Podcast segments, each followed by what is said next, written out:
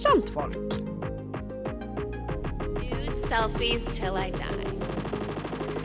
Kjentfolk på Radio Revolt. That's hot.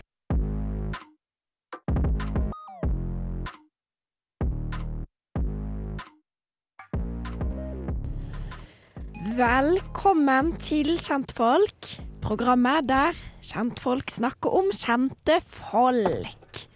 Jeg er Hilvi, og jeg har med meg som vanlig Tora? Og Hedda Og Hedda, sitter der borte. Hedda er vår tekniker. Så Ja, Hedda Så jeg skulle bare ta- så dra i litt saker og ting på den skjermen her. Ja, Vent litt, ja. eh, Men uansett, Tora. Ja. Denne uka i kjendisverden, hva har skjedd, og hva er du opptatt av? Nei, altså, jeg har rett og slett uh, måttet gå litt inn i meg selv. Ja. Hvorfor det? Fordi jeg meldte jo ganske hardt i forrige episode at uh, det var et par på Farmen, Cornelia og Sebastian, eh, hvor jeg mente da at Sebastian eh, rett og slett bare playet Cornelia veldig hardt. da. Ja. At han ymtet ganske frampå, ganske tydelig egentlig, at han egentlig syntes at andre damer var diggere, og at Cornelia hadde kommet inn og, og stjålet han litt, da. Litt mot hans vilje, på en måte.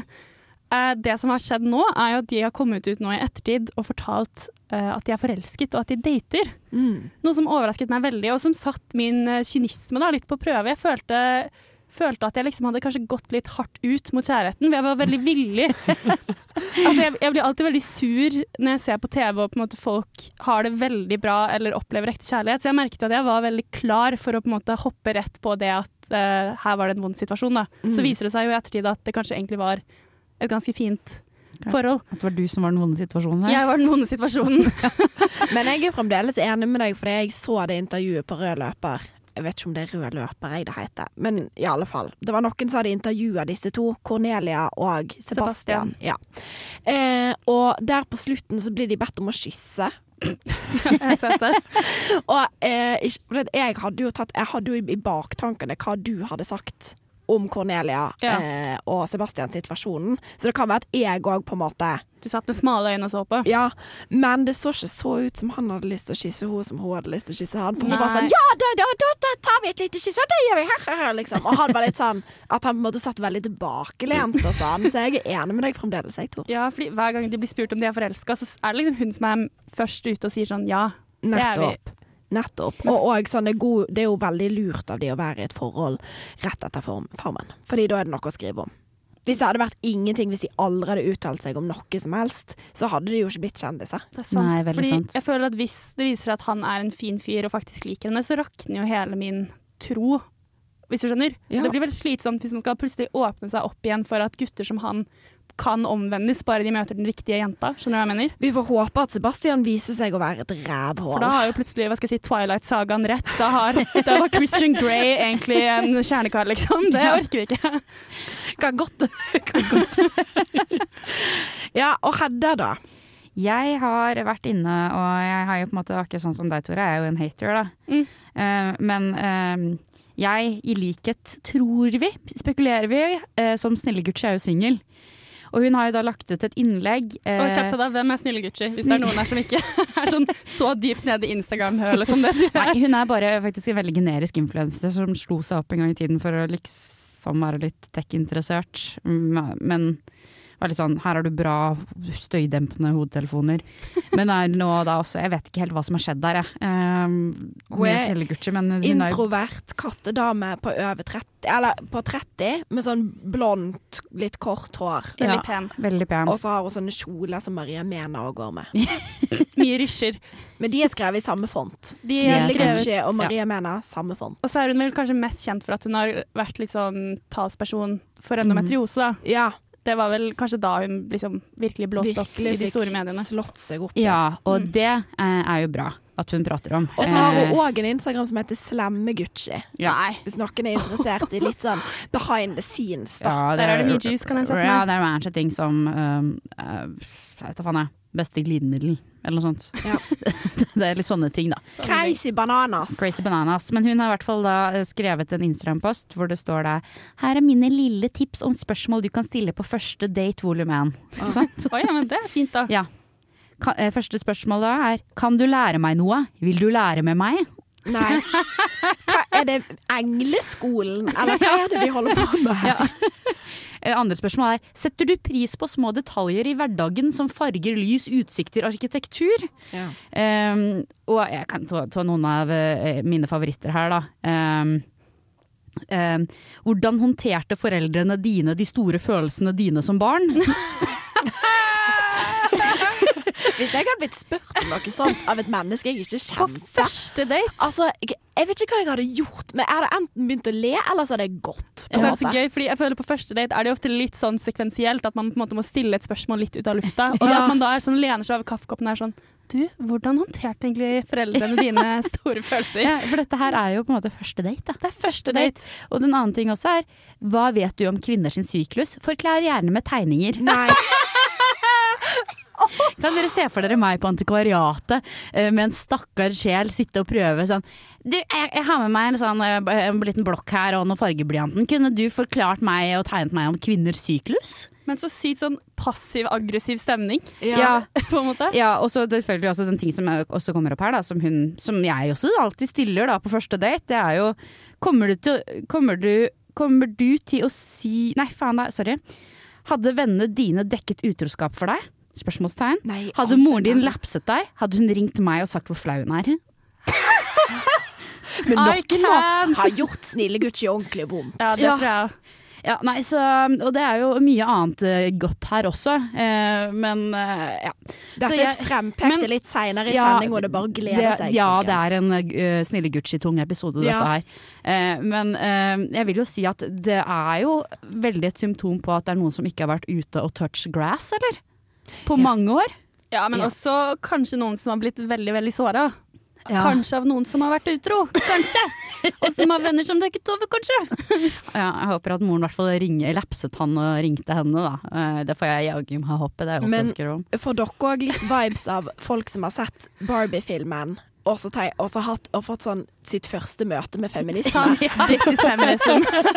Det er veldig white girl feminism. Ja. Helt vilt. Men ja, fordi jeg må jo si at det er jo sikkert viktig å ha, ta opp disse tingene her, men på første date Nei. Nei, jeg tenker kanskje ett år inn i forholdet. Nei, Ja. men du trenger jo ikke å Altså, herregud. Jeg er litt sånn Fortell meg hva du veit om kvinnens syklus. Nei, kanskje Snille Gucci, hvis du har lyst til at folk skal vite om kvinnens syklus, så sett deg ned og gjør det sjøl, da. Ikke be folk om å tegne det. Det hadde vært mye bedre å si 'la meg fortelle deg om kvinnens syklus'. Jeg synes det hadde vært en bedre første date. Uh... For det kan være litt lættis, på en måte. Det kan nesten være litt lættis. Ja, Jeg vet ikke hva jeg ville svart hvis noen sa 'kan du fortelle meg om kvinnens syklus og tegne'? Hva ville Jeg hadde begynt å grine, jeg. Traume fra skolebenken rett tilbake. Sånn. Nei, gudene veit, altså. Hva med deg, Helvi? Du, eh, jeg har eh, vært opptatt av David Beckham. Eh, fordi at eh, på Netflix har det kommet en dokumentar som heter Beckham. Og da tenkte jeg med en gang Beckhams, tenkte jeg. For jeg tenkte Ja. dette skal handle om Victoria Beckham. Litt love drama. Ehm, og jeg må bare si til de som har reklamert til meg på mine sosiale medier eh, om denne dokumentaren Utrolig godt jobba, for jeg satt meg gjennom tre timer. Det er tre episoder. Alle episodene er sånn en time lange. Ja. Jeg satt meg gjennom og tenkte nå kommer det snart. Nå kommer det snart. Det kommer Ja. ingenting, det var bare fotball. Men hva var det du forventet at skulle komme? Jeg forventa eh, at jeg skulle få utroskandalen. Jeg Ja. forventa en time med utroskandale, minst. Og det var liksom teasa ganske masse, og også siden i mediene hadde blitt skrevet litt om hvem var egentlig kvinnen David Beckham lå med, du, du, du, sant. Ja. Og så det eneste som ble sagt, var bare sånn Victoria syntes det var litt kjipt. Eh, og han var sånn Ja, that was a hard time. For us in our marriage. Og så var det ikke noe med Jeg er først til å snakke britisk nå, til og jeg har litt bihulebetennelse. Ja, det var nok derfor. Skyt meg, That's OK? a hard time. Very sad. Og det var det. Og så bare, bare så, så var det rett tilbake, men, men kampen eh, han spilte for Real Madrid, gikk kjempebra. Okay, så så det må vi ikke tenke på. Du har sett basically tre timer fotballdokumentar, da? Det har jeg, og det, jeg fikk jo Jeg fikk litt sånn derre eh, fra bryllupet deres der de bare gikk med lilla, eksempel. Men der er det òg sånn. Det er en kompis av han, som er tidligere fotballspiller, han òg, som snakker om bryllupet. Og da sier en så er bare sånn Oh, what a wedding. The wedding was crazy. Ingenting mer. Det var alt, det var, det var alt vi får. Det er jo litt sånn som jeg sier uh, hvis jeg prøver å guilt-trippe noen for ikke å ha dratt ut på byen, og de spør sånn 'hvordan var det da?' Så sier jeg sånn ja, fy fader, altså, du skulle ha vært der, det var helt sykt. Og så er det sånn, hva er det som var sykt egentlig? Hvor tidlig jeg dro hjem, var det som var sykt eh, på den festen her, liksom. Nettopp. Ja. Det er som om på en måte det sjukeste som har skjedd, at noen har skrevet ø, 'kuk i panna di' når du sovner. Det er liksom det er ganske ass. Så vilt er det ikke. Ja, det, er også, det er jo prisen å betale når man lager en dokumentar med sånn stillferdig fotballmenn. Bare sånn, Ja, Se men- for deg en tre timer lang dokumentar med Haaland. Det ville vært mye stille sekvenser. Men jeg tror David Beckham er jo ikke en stille For det, egentlig det som, var, det som var interessant med dokumentaren, da, for de som har lyst til å se den, det var at eh, det blir Altså sånn, de legger veldig vekt på at David Beckham er den første fotballstjerna som ble kjendis. ja. Og at de før han var yeah. egentlig bare fotballfolk, og de var ikke særlig pene. Det var ikke sånn at de hadde sponsoravtaler på sitt navn. Han er den første som starta å være kjendis i fotballverden. Yeah, ja. Eh, og det er veldig kult, syns jeg. Og spesielt i England. Eh, han var jo på en måte Han og eh, Victoria var jo som et kongepar, liksom. Det var helt sinnssvakt hvordan de holdt på med det. Så det er gøy, og hvor sure trenerne ble for at han ikke fokuserte på fotball. Men så viste det seg at dess hardere David Beckham hadde det i kjendislivet sitt, dess bedre gikk det på fotballbanen. Kjentfolk. Kjentfolk. Kjentfolk heime. Ja, Hedda. Hva har skjedd i vårt land? Kan du fortelle oss alt sammen? Kan du tegne hva du vet om hva som har skjedd den siste uka? Gjerne det. Gjerne med farger jeg har med i blokk. Takk, fint. Nei, det har jo da vært eh, utdeling, uh, blant annet da av uh, en pris som heter Jenteprisen. Som da Plan Internasjonal Norge og Kostium faktisk står bak. Sammen? Oi, visste ikke at kostyme var Nei. med. Dette står i hvert fall på kostium.no, det kan jeg godt hende at det ikke stemmer og de bare har prøvd seg på en liten luring for å Men Lyge seg til ja, det, da vil jeg jo si at da, da forstår jeg mer av hvem som er nominert, kanskje. Det gir litt mer mening, men hva, um, hva er denne prisen? Altså, hvem er det de gir ut disse prisene til, Hedda? Eh, jenteprisen, det skal gå til en organas... Oi. Jenteprisen går til en person, organisasjon eller bedrift i Norge som har gjort en ekstra innsats for å stoppe vold, overgrep og diskriminering av kvinner, enten i, i- enten i Norge eller ute i verden. Ja, det, Det er høres jo veldig flott. viktig ut, da. Det høres ut som en kjempeviktig sak. Det er vi Eh, for. Ja. Ja, vet du hva? Jeg er ikke redd for å ta bladet fra munnen der og si at jeg sier ja til denne jenteprisen. Eh, og da har det jo da vært eh, en himmels hærskare av mennesker eh, nominert eh, for denne prisen her. Og noen forstår jeg mer av, og noen forstår jeg mindre av. Eh, så hvis dere har lyst til å høre hvem jeg har plukket ut, da. Ta en liten gjennomgang. Ja, fordi nå har jeg plukket ut 28 personer, da, så jeg vil si at jeg kanskje da halv Jeg tipper på at det var sånn rundt 100 stykker jeg, som var nominert i denne prisen her. Eh, vil jeg tippe på. Ja. Eh, men nå bare leser jeg opp de som jeg syns var kjente nok det. til at jeg jeg la merke til det. Ja. Sigrid Bonde Tusvik, NRK Unormal, Endometrioseforeningen, Martine Halvorsen, Marta Leivestad, Abida Raja, Amalie Olsen, altså hun tiktokeren, eh, Iselin Guttormsen med G-punktet, Eh, Kristina Fras, som er hun som har eh, Hva faen er det den heter igjen? Hun, hun, eh, hun, hun kjøpte seg et hus på Nesodden som hun har drevet Ja. og pussa opp. Ja. Ja. ja. Uh, og så har vi Sonja Irén fra TikTok. Mia Lansem. Lise Klavenes. Magasinet Altså. Jenny Skavlan. Helsesista. Jenter i Forsvaret. Bahara Viken, som bare er en journalist. Mm, men hun har en veldig, veldig vanskelig mobbehistorie. Har hun det? Tåredryppende? Tåredryppende. Da Ja. får man pris. Ja, men det er bra, det. Det er så få som har blitt mobba, så det er bra at det er noen som får denne. Og så er det Femihelse. Anine Olsen, også fra TikTok. Og fra Fetisha pluss one, da. Mm. Kaveh eh, Rashidi. Jente og teknologi. Maria Mena. Wasim Sahid. Tinashe Williamson. Eh, Johanne Massey, som også er fra TikTok. Eh, Espen Ester Pirelli Benstad. Eh, Michelle Ullestad. Og da til slutt eh, jenta mi, da. Snille-Gucci. Altså Kristiane Aateigen. Altså, dette høres jo ut som et cast til Farmen kjendis. Ja. Altså, jeg, klarer ikke helt å se hva alle disse menneskene har til felles. Nei, jeg kan ikke jeg, sånn, jeg har jo ikke satt meg så hardt inn i hvorfor Bahare Viken er er nominert.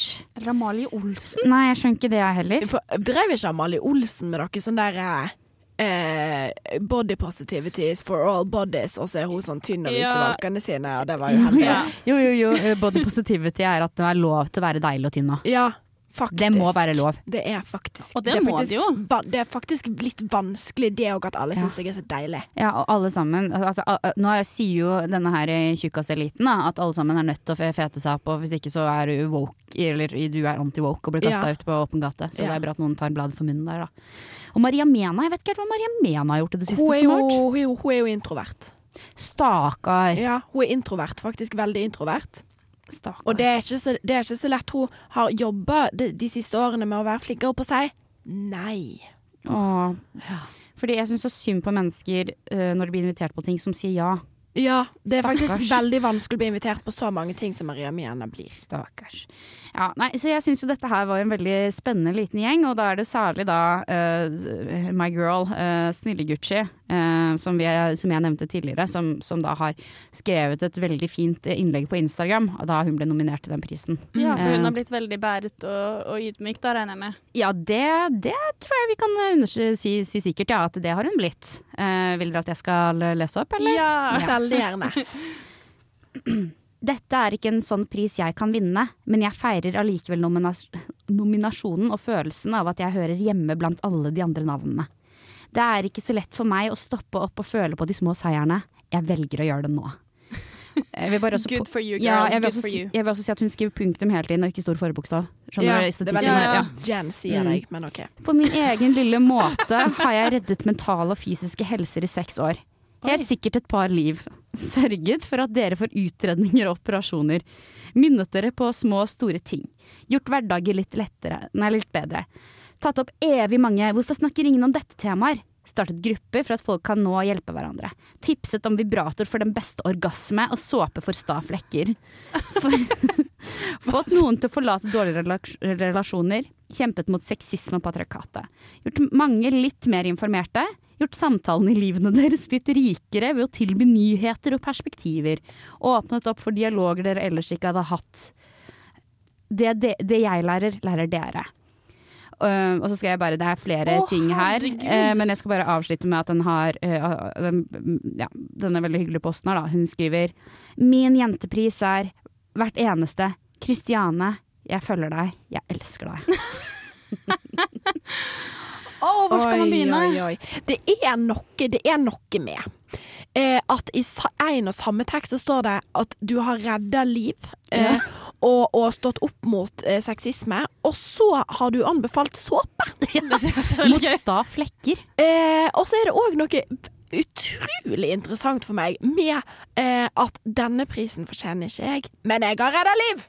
Jeg har redda livet. Og jeg har redda Og jeg har, jeg har altså, hjulpet Dere hadde vært døde, alle sammen. Hadde det ikke vært for meg. Jeg er en engel sendt til jorden. For jeg må jo bare også si at altså, jenteprisen, jeg, jeg, gjentar det på nytt, går til en øh, ja, person bla, bla, bla, eh, som har gjort ekstra innsats for å stoppe vold, overgrep og diskriminering av jenter. Og da lurer jeg liksom, hvor kommer vibratorrens og såpe inn her, egentlig? Jeg aner ikke. Det er faktisk utrolig vanskelig å si. Det, det er helt umulig for meg å si. Jeg syns det er så uendelig gøy at hun skriver sin egen nominasjonstekst. Mm. ja. Det er sånn Og så er det jo, må vi jo ta med hvem det var som vant den jenteprisen til slutt. Fordi Ja. hun som vant, er jo, gjør jo noe ordentlig viktig. Men fins det folk som har gjort mer enn Snille-Gucci, altså? Ja, hvem skulle trodd det er skikkelig vanskelig å tro på. Ja, ja, jeg tror dette her var en pris som ble liksom gitt litt sånn fordi ja, Dere vet. Syns litt synd på kanskje den. Ja. Sånn, kanskje. For de som ikke hadde fått til så masse, da. Nei, ikke sant. For hun har jo allerede størt ja, mange som elsker henne. Og redda liv, da. Og redda livet. Uh, jo, eh, eh, det som var vinneren i 2023, det er June Holm, grunnlegger av Vi tror deg-stiftelsen, som har etablert et bredt tilbud til kvinner som blir utsatt for voldtekt. Og da har delt av sin egen historie om sin egen eh, at, at hun har hatt, eh, blitt utsatt for voldtekt. da. Så hun har da brukt sine egne forferdelige erfaringer for å gjøre verden litt bedre for andre jenter. Ja. Og da var det veldig bra at Maria Mena og Snille Gucci også var med i den lille Ja. nominasjonen. Men De har endometriose og er introverte. Det er veldig vanskelig. Det er veldig gammeldags av henne å, ikke, eller å starte stiftelse, da.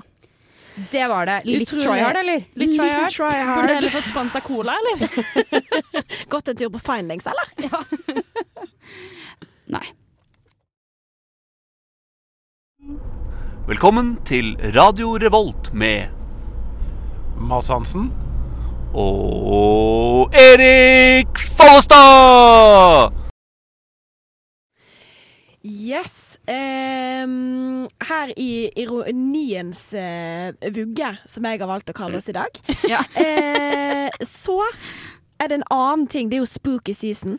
Som eh, det kalles. Oktober kalles. Sp the spooky season. Og da er det skjedd veldig masse spooky, spesielt på en Lyco-fest. Og det var Lyko-fest Det var en Lyko-fest. Tora Dahl, ta oss gjennom. Take it away. Ja, fordi det har jo eh, vært uh, utkledningsfest, mm. rett og slett, på Lyko. Og da var det jo spesielt to jenter da, som fikk ekstra mye oppmerksomhet. Uh, to av våre sjelevenner, vil jeg si. Ja. Øyunn Krogh og Frida Hollund. Ja. To søte influensere fra Oslo som har en podkast sammen. Mm. Uh, og de la da ut et bilde, eller Øyunn Krogh la ut et bilde hvor det står Halloween blir ca. en milliard gang morsommere når man bare gir litt faen. Og hvem Og er det satire på? Kan man jo lure på hva bildet inneholdt. Det var da rett og slett Øyunn Krogh og Frida kledd ut som Sofie Elise og Nora Haukeland. Eh, helt eh, plettfri imitasjon av dette episke kokainbildet som fikk Sofie Elise da sparket ut av NRK. Mm. Eh, og det jeg lurer på før eh, jeg går litt videre, da, for å snakke litt om hvilke reaksjoner dette har fått, er liksom Ja. hva dere tenkte da dere så dette. Jeg syns det var veldig morsomt, og de fikk en like med en gang jeg så det. Jeg syns det var dritfunny, for jeg tror det var 37 som hadde reposta det. Var det ikke det? Jo, jeg tror det gjorde det, men de har sletta det i etterkant. da. Har de? Oh, ja, på Om jeg ikke husker feil, for jeg finner ikke henne i feeden, kan hende at det er jeg som er dårlig. Dette, ta, ta det med verdens største klype med, med flaksalt, altså. Men uansett så har det jo skapt eh, ganske mye kontroverser, da, rett og slett. mm. Eh, blant annet så fikk de jo en del kommentarer på bildet. Eh, den kommentaren som ligger øverst da, når man trykker inn på bildet, det er fra vår alles eh, lille prins, Marius Borch. Ja. Som eh, har gått ut og vært en helt på vegne av sin ekskjæreste, og, da kommentert så langt som dette trodde jeg ikke du skulle synke lavmål. Så her er det jo en kar som går ut og er en helt på vegne av eh, Nora Haukeland, da. Ja, for fader. Ja, det er, det er jo fint. Det er flott, det. det. er jo hyggelig å se at det er god stemning. Blitt god stemning igjen. Det er vi jo alle sammen glad for. Eh, men veldig interessant å ta så eh, sterk avstand fra dette, på en måte. At det, når du først skal støtte eksen din, så det var det dette du valgte som din hjertesak. Ja, Og jeg trodde jo han elska utkledningsfest. Ja, Ja. han som har jo vært på Hva var det for noe James Bond-fest. Ja, på Hva var det? På sånn Mac Jones eller et eller annet? Et utested i Oslo. Oslos hipste utested, i hvert fall. Ja, det er jeg for sure. Men ja, den kommentaren fikk altså 944 likes, så den er ganske populær. Uh, tyder på at mange er enig med han, da. Eh, I tillegg så var det en annen som var ute og kommenterte, som jeg faktisk var veldig overrasket over. Aha. For Caroline Nitter var også ute og skrev smakløst Og jeg trodde under dette at bildet. Ka- eh, Caroline Nitter, for det er jo på en måte to teams her, hvis dette Ja. er angivelig. Jeg vet ingenting om konflikten. Jeg bare blander meg nå. Eh, det, er jo, det er jo to på en måte lag du kan være på, sant? Ja. Og Caroline Nitter trodde jeg hadde valgt liksom Fetisha Øyunn-gjengen. Og så eh, var Nora Sofie Annijord Girls of Oslo. Girls of Oslo, Ja. Det er en egen gjeng. Jeg trodde det var sånn, så jeg ble veldig, Jeg veldig overraska. Også med tanke på at Fetisha har jo kommentert uh, latter-emojis. Martha Leivestad har kommentert ha-ha-ha. Matt Hansen har vært ute og sagt at dette var meget bra. Jeg tenkte liksom at Ja, som sier at dette var gjengen til Karoline, da. Ja. Nei, for jeg ble, litt, jeg ble rett og slett litt overraska. Jeg syns det var litt rart. Men hun har jo gått ut også og kommentert på den kommentaren hun ga, da, hvor hun sa at hun syntes at dette var veldig usmakelig, spesielt rett etter verdensdag for psykisk helse. Eh, fordi det var på en måte å, å harselere med noens eh, hva skal jeg si Sykelig behov for å ta. Da. kokain på fest. Ja. At det var, det var rett og slett Men det Og mange må, kaller det mobbing. Ja, veldig mange Det kaller er det jo ordet som er blitt brukt. Og vi må jo ta med at Øyunn og Frida slapp en eh, deluxe podkast-episode, som det er noe de begynner med. Tips, tips til de som er interessert i det. Eh, der de tok opp disse reaksjonene og forklarte, og sa, sa jo egentlig unnskyld, Ja. og forklarte at sånn Det var, ikke, det var ingenting De sa jo egentlig ikke unnskyld, fordi, eller tittelen på episoden er 'Sorry, not sorry'. Ja. på en måte. Ok, ja. men, de men de sa i hvert fall at de hadde ikke skjønt da de kledde seg ut at dette kom til å bli tatt opp på den måten, og at for dem var det bare en politisk satire som skulle vise noe morsomt fra Medie-Norge. Mm. Og at de kom til å tro at Eller at de trodde at Sofie Elise eksempel ville synes at dette var litt gøy, da, fordi man er- kødder på en måte med media og ikke med dem. Det er jo morsomt at Sofie Elise som meldte seg på roasten, ikke, Ikke tåler dette. Ja, for det er litt rart, for den rosen var jo nesten enda mer offentlig, og Ja. alt de snakker om, var jo den Men jeg den, tror det er Nora Haukeland folk egentlig er ute og beskytter her, da. Tror ikke Ja, det? fordi Ja, Nora jeg. Haukeland hadde jo sagt at hun var ganske lei seg til eh, Frida Øyunn. Ja.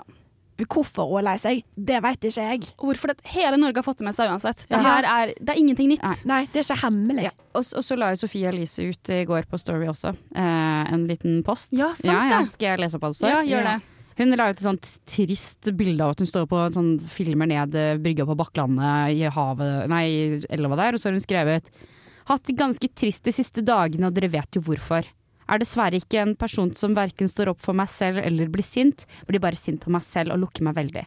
Føler jeg bare må tåle alt, men det er ikke alltid like lett.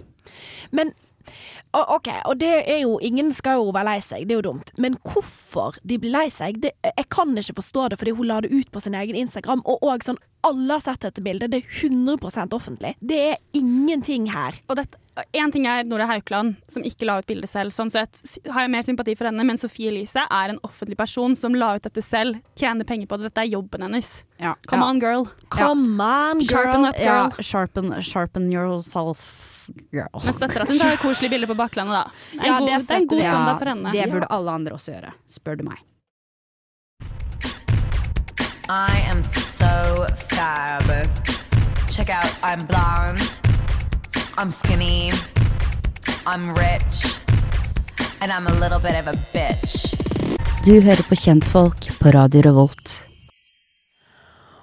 Og vi har sett et nytt program, et norsk nytt reality-program, eh, og kosa oss. Oh, jeg har kost meg så mye. Hadde dette vært middelalderen, så hadde jeg gått ut på Bytorget og ringt i bjellene for at dette nå har skjedd. Og hva, og hva hadde du heller sagt på Middelaldertorget da? Hva er det vi skal høre på? Eller se, gå inn og se på? Ungkaren. Ungkaren Norge, Ungkaren må Norge. sies. Ungkaren Ja. Norge. Ja, altså det er prime TV. Å, det er så godt, det. Tora, ta oss gjennom plottet, skulle jeg til å si. Ja, det er da altså to kjekkaser og en skokk med jenter som har dratt ned til Hellas. eh, Og målet til disse jentene er jo da å ende opp med en av disse kjekkasene. Det er da Amadou og Alexander. Eh, hvor Alexander er en sånn, vil jeg si, klassisk kjekkas vestkantpilot. vestkantpilot. Veldig streit. Eh, veldig sånn derre prinsen fra Askepott-type. Ja. Han ser pen, pen ut, og han ser ut som han har litt penger, på en måte. Ja, Ja. og liker å spille golf og er litt sporty. Ja. Og så har vi Amadou, som eh, er en helt sinnssykt veltrent eh, fyr. Veldig kjekk han også, selvfølgelig. Som er da yogainstruktør. Uh. Veldig spirituell. Og veldig opptatt av å se inn i sjelene til enhver jente han kommer i kontakt med. Ja. Og det gjør han egentlig ved å si ingenting. Så det er òg Ja. veldig interessant. Hva er det han gjør for noe Nei, det er bare da? Han bare eh, Folk som på en måte Han er en sånn type som eh, ser på seg sjøl som veldig djup Ja. og ganske intelligent, tror jeg at han tenker sjøl at han er. Ja, han, Han, har, masse å bidra med, på en ja, måte. han har dypere innsikt i menneskeheten enn eh, Ja. det- Ola Nordmann, liksom. Og også livet har behandlet han litt hardt, kommer det jo fram. Og Ja. derfor tror han også at han har utrolig mye mer innsikt enn Ja. alle andre. Men det som er veldig gøy, er at han har ikke det. det er det som gjør det så ja, bra. så, så hadde han, han hadde ikke vært nominert til Jenteprisen, altså? Eh, jo, og han hadde vært på den nominasjonslisten. Han har jo spurt en jente hvordan hun har det. Da. Ja. Det holder vel, det. For en prins. Ja. For en prins. Men det er veldig gøy, fordi det er jo veldig tydelig på han at han er hva skal jeg si, like glad i fine pupper og en rumpe som enhver annen eh, Ja. norsk mann. Så det er liksom sånn Han prøver jo alltid å si sånn Ja, jeg bare tok henne med på date fordi jeg syns hun har utrolig vakker sjel. Og så er det bare sånn så Hun har digg sykt rumpe. tid. Ja, kom an. Den diggeste gjengen, bare. Eh, Men de har jo gjort noe veldig lurt i år, for det pleier jo vanligvis å være én ungkar i disse ungkarkonseptene. Nå er det to. Det skaper jo også litt konkurranse mellom ungkarene, og skaper enda mer forvirring og drama i huset. da. Eh, og det er veldig mye gråting. Eh, og så deprimerende nok tar det veldig kort tid før disse jentene begynner å vende seg mot hverandre og rett og slett slutshame hverandre litt. De takler det meget dårlig når noen får mer eh, tid med guttene Ja. enn noen andre. Og for de som ikke har sett Ungkaren før, så er jo på en måte et del av premisset som er veldig viktig, er at disse jentene bor sammen i et stort hus. Altså Ja. sånn, De deler soverom, de deler bad, Deler de alt sammen. Hvorfor Fordeler de soverom? Nei, det er sånn to og to som sover sammen og sånn. Oh, ja, skal bare brytes ned så mye som overhodet mulig.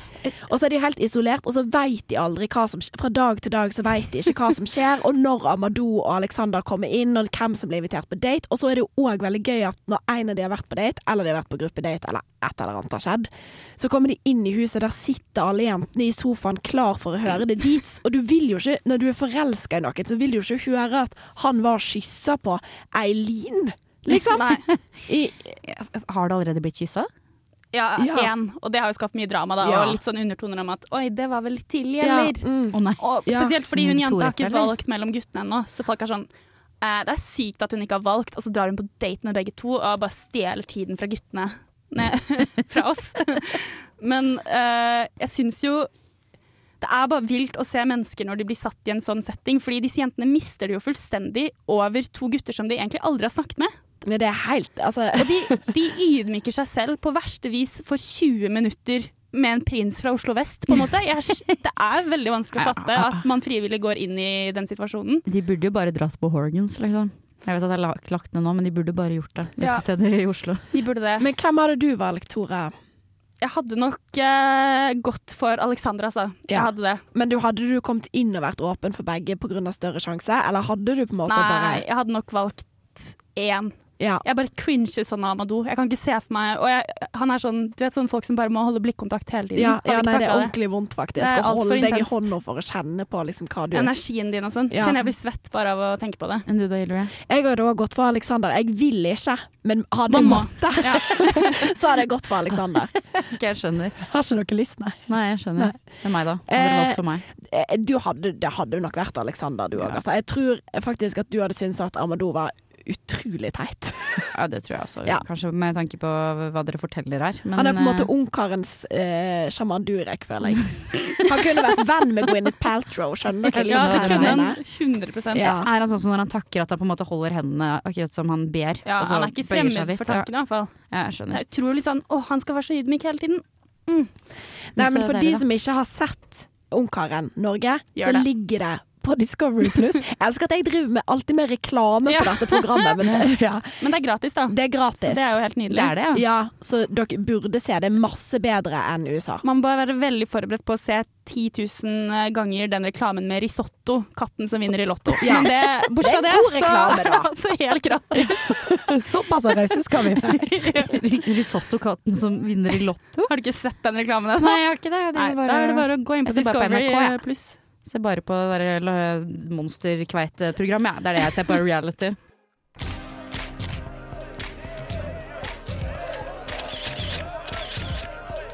Kjentfolk ute. Ja, dere hørte jo nettopp 'Cardigan' av Taylor Swift, og det er hun vi skal snakke om nå. Eh, for vi har jo vært på kino. Om vi har. Om vi har, og det var altså Hele historien starter ved at eh, meg, jeg altså Hillevi Hillevi Brita Høyem heter jeg. Eh, jeg tenkte det er gøy å ta med jentene på, jentene på kino. Eh, og så sa ikke jeg til jentene at det er tre timer med Taylor Swift. Ja, fordi jeg lurte Visste du det? Du Ja. visste det? Jeg Jeg visste visste, det. jeg visste også det. Men jeg tenkte at, jeg, jeg tenkte at Tora blir ikke med på dette hvis jeg sier til henne at du skal sitte gjennom en konsert på tre timer. Ehm, Nei, jeg tror det var en god vurdering, altså. ja. Ja. Men kan du ikke fortelle litt om hva selve konseptet er, Ja. eh, Jo, for konseptet er altså at uh, Taylor har jo uh, en Eras Tour nå. Um, og den er i noen land, ikke alle, men den er global, da. Så hun har egentlig stoppet i både Europa, i Asia, i Nord-Amerika, Sør-Amerika. For at du sier alle kontinentene du kan. Er det noe jeg ikke kom på nå?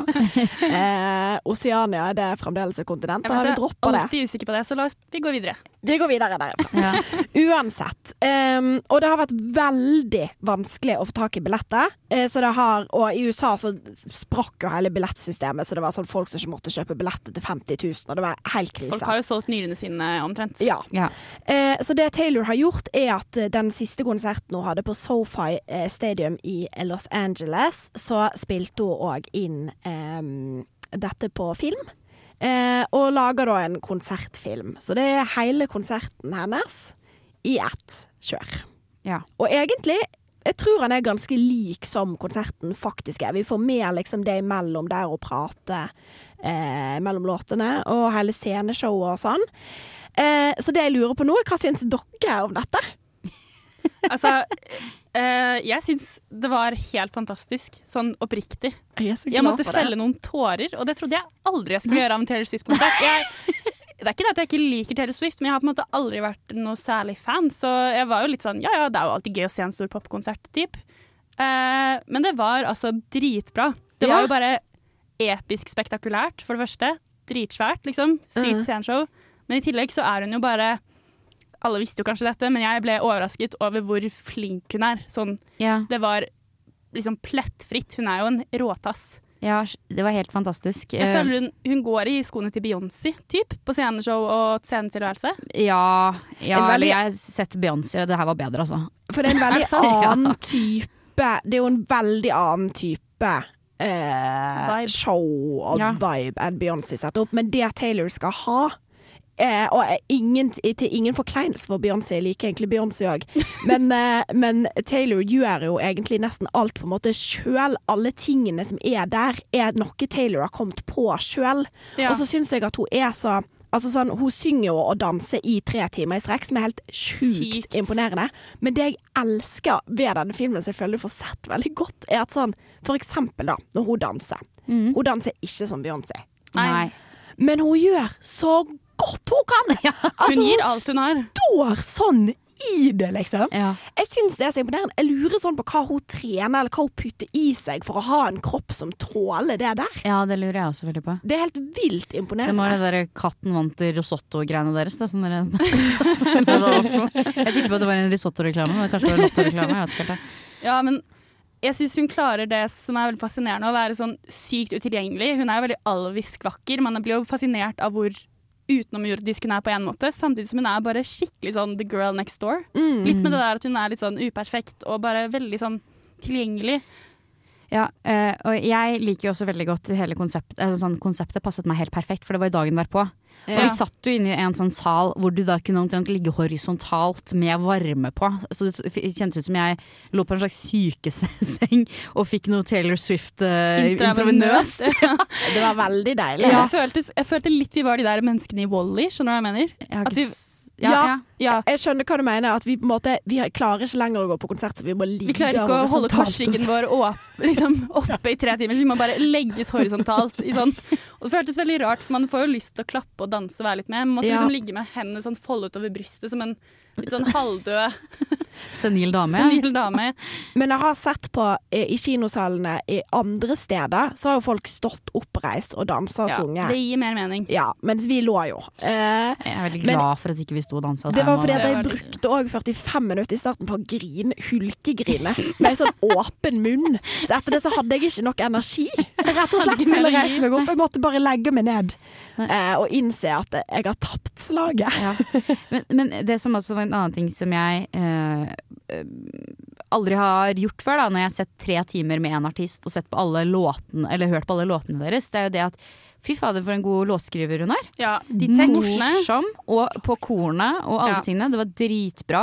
Og veldig, um, veldig vår Det var veldig vår tid uten å være sånn Sånn som Del Rey er, som er sånn Crypto Daddy. Og jeg liker veldig godt London Ray, men det er jo liksom sånn ja, Du skjønner hva jeg mener? Fidget spinner on the beach-greier. Det var ikke noe sånn, liksom. Nei, det var litt friskere. Det var litt friskere. Det er Manus Landel Del Rey det jeg presenterte her akkurat nå.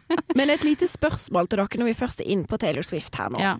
er hvorfor tror dere Altså, jeg personlig har jo vært fan siden jeg var tolv år. Mm. Eh, det var liksom da jeg først hørte ja, 'Picture to Burn'. da. Uansett, det er ikke så farlig. Eh, og jeg lurer på til dere, hvorfor tror dere at hun har blitt så stor akkurat når hun ble det? Fordi at det har jo vært liksom ehm, for jeg tror for fem år siden så kunne hun aldri sluppet denne filmen, og den hadde blitt utsolgt overalt. Altså over hele verden. Men nå har hun gjort det. Hvorfor tror dere det? Nei, jeg tenkte på det samme. Det er veldig fascinerende at hun har klart å fornye seg selv på en så god måte. At hun faktisk klarer å holde takt med tiden. Hun har jo vært stor i over ti år nå. Mm. Jeg vet ikke.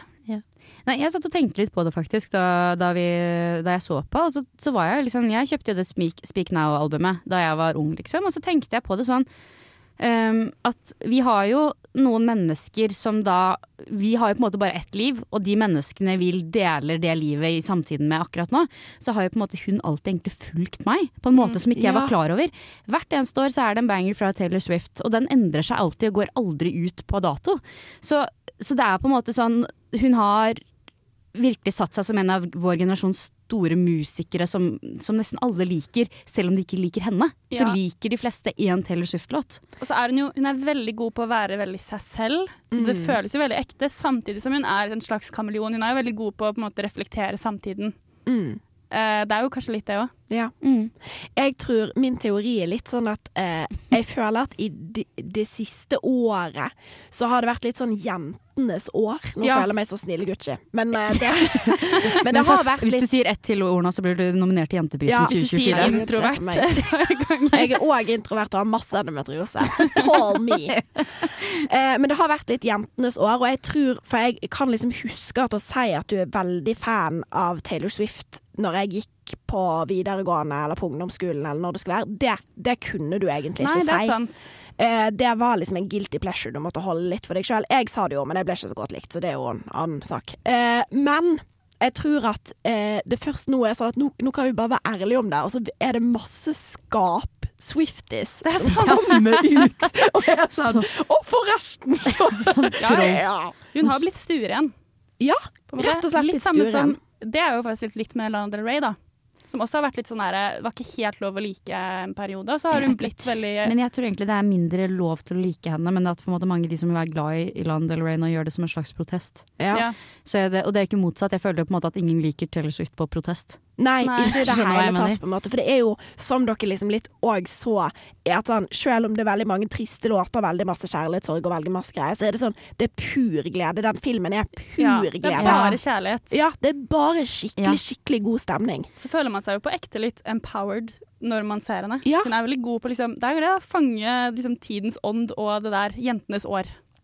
Og så syns jeg det var veldig bra at For det sceneshowet hennes, det var jo også veldig bra.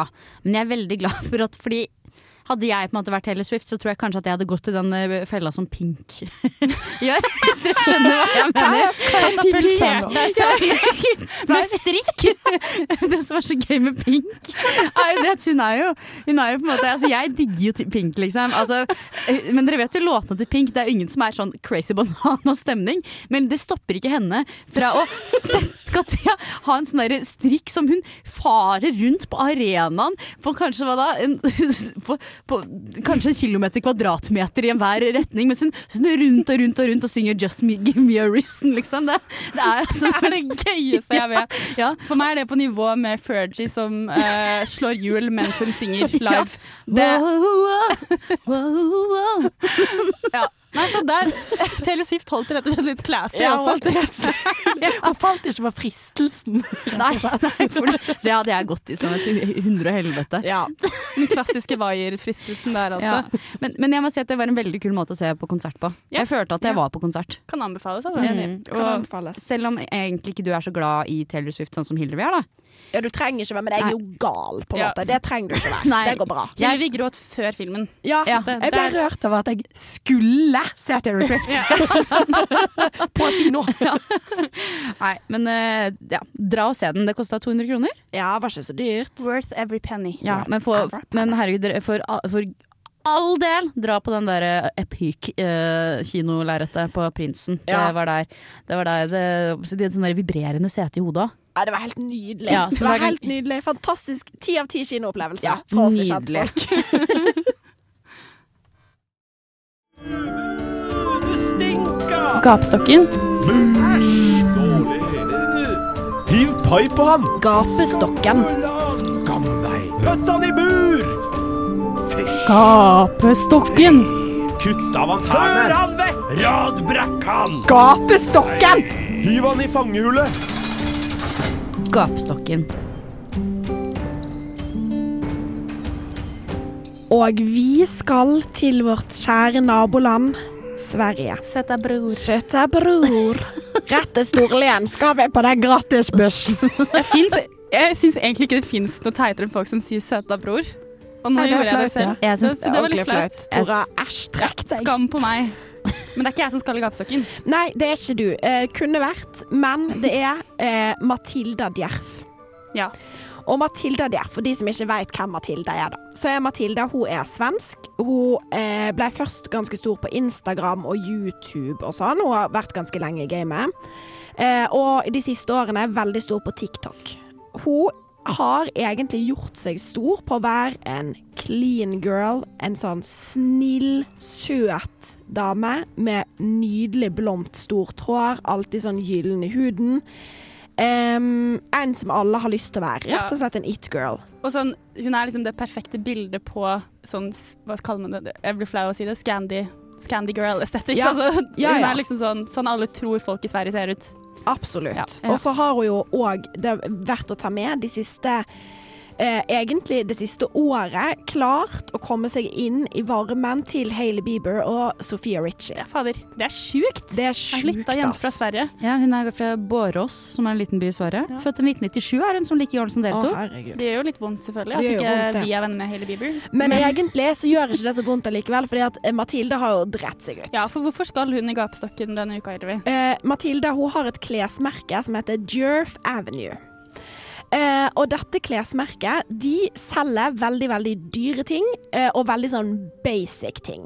Så det er sånn type eh, blazere, små sånne hvite tanktops til 1400 kroner.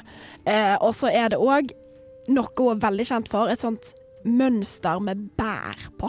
Ja. Det er noe blåbær og noe Det er utrolig Jordbær cute. Det var litt sånn Jordbær-Mathilde-style på det hele greiene, Ja. liksom. Og det var veldig sånn der eh, Milk with, uh, with berries in uh, stemning, liksom. Sånn som jeg ser for meg at folk i LA tror at vi spiser mye av i Norden, da. Ja. ja. Det har jo hun slått seg opp på. Eh, men så har det som har skjedd nå, er at em, det har kommet veldig masse dupes av disse tingene til Matilda Djerf, fordi at de er kjempedyre.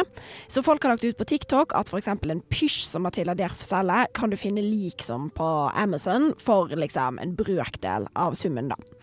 Og da har eh, Matilda Djerf sitt em, foretak gått inn og rapportert disse videoene.